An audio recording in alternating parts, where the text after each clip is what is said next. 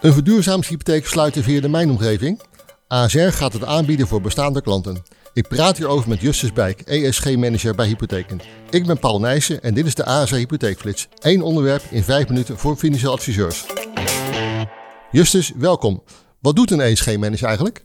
Ja, dankjewel Paul. ESG staat voor Environmental, Social and Governance.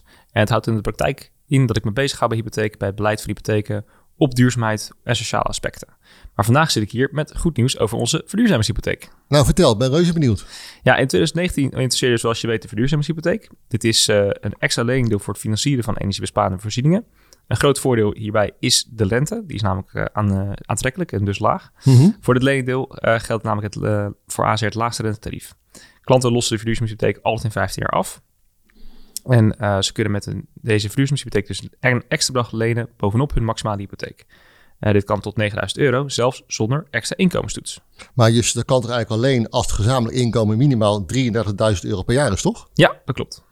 En wat is dan nu het goede nieuws? Ja, tot nu toe konden klanten de verduurzamingshypotheek alleen afsluiten bij een nieuwe hypotheek. Maar we gaan het vanaf mm -hmm. nu mogelijk maken voor klanten om het ook te doen met een bestaande ASR-hypotheek. Maar dit is nieuw, maar eigenlijk kon het toch al?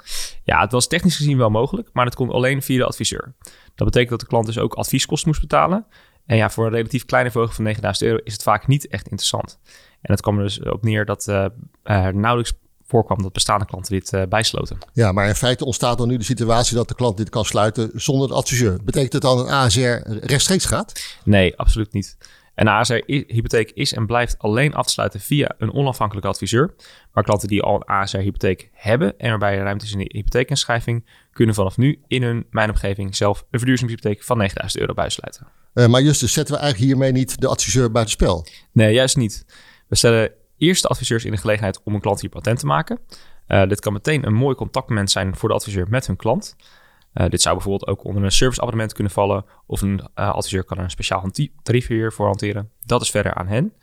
Uh, als de klant meer nodig heeft dan 9000 euro of ze willen een verhoging voor iets anders dan verduurzaming, dan verwijzen daarnaast de klant ook nog steeds door naar de adviseur.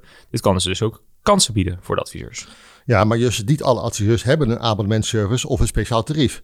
En wat als zij bijvoorbeeld in een huidige tijd waar het heel druk is, geen tijd hebben om een klant hier een patent te maken?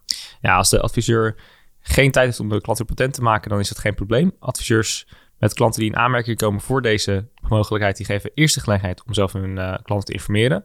Uh, hierbij ondersteunen we ze ook met voorbeeldbrieven en andere tools. Uh, maar na een vaste afgesproken periode gaat RCR daarna alle klanten zelf benaderen.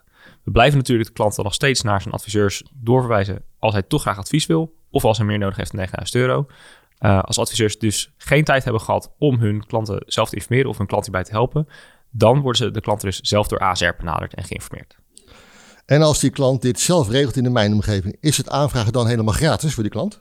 Nou, niet helemaal, want uh, we zijn wel verplicht om een distributiekosten in rekening te brengen. Hiervoor rekenen we eenmalig uh, 30 euro. Daarnaast is er ook een waardebepaling nodig. Dit kan met hypotheken tot 90% van de marktwaarde een desktop-taxatie zijn.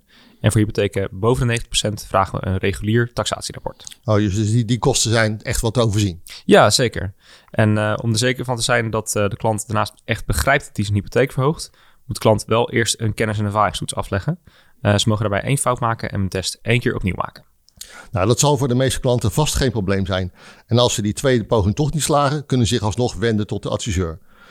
Een mooie aanleiding voor een contactmoment van de adviseur naar hun klanten. Maar ook heel begrijpelijk als ze hiervoor te druk zijn. Dan heeft de klant nu de mogelijkheid om zelf 9000 euro extra te lenen voor bijvoorbeeld die zonnepanelen die ze zo graag willen hebben. Ja, precies. En uh, je merkt ook zeker nu de klimaatcrisis uh, duidelijker wordt en de klimaatdoelen ambitieuzer zijn en ook nog eens een keer de energieprijzen stijgen, dat uh, steeds meer mensen hier geïnteresseerd zijn in ofwel zonnepanelen ofwel isolatie. Op deze manier hopen we voor de klanten dus de financiële drempel van verduurzaming te verlagen om te zorgen dat uiteindelijk meer mensen het gaan doen. Bedankt Justus voor je toelichting en u bedankt voor het luisteren naar de ASC Hypotheekflits, waarmee we u wekelijks bijpraten over actuele hypotheekonderwerpen. Wilt u meer weten over de verduurzamingshypotheek van ASR? Kijk dan op asr.nl slash verduurzamingshypotheek. Vind je deze podcast interessant? Abonneer je dan op de ASR Hypotheekflits. Dat doe je op de hoofdpagina van de podcast. Klik op abonneer of follow en je ontvangt automatisch een seintje als er een nieuwe aflevering is.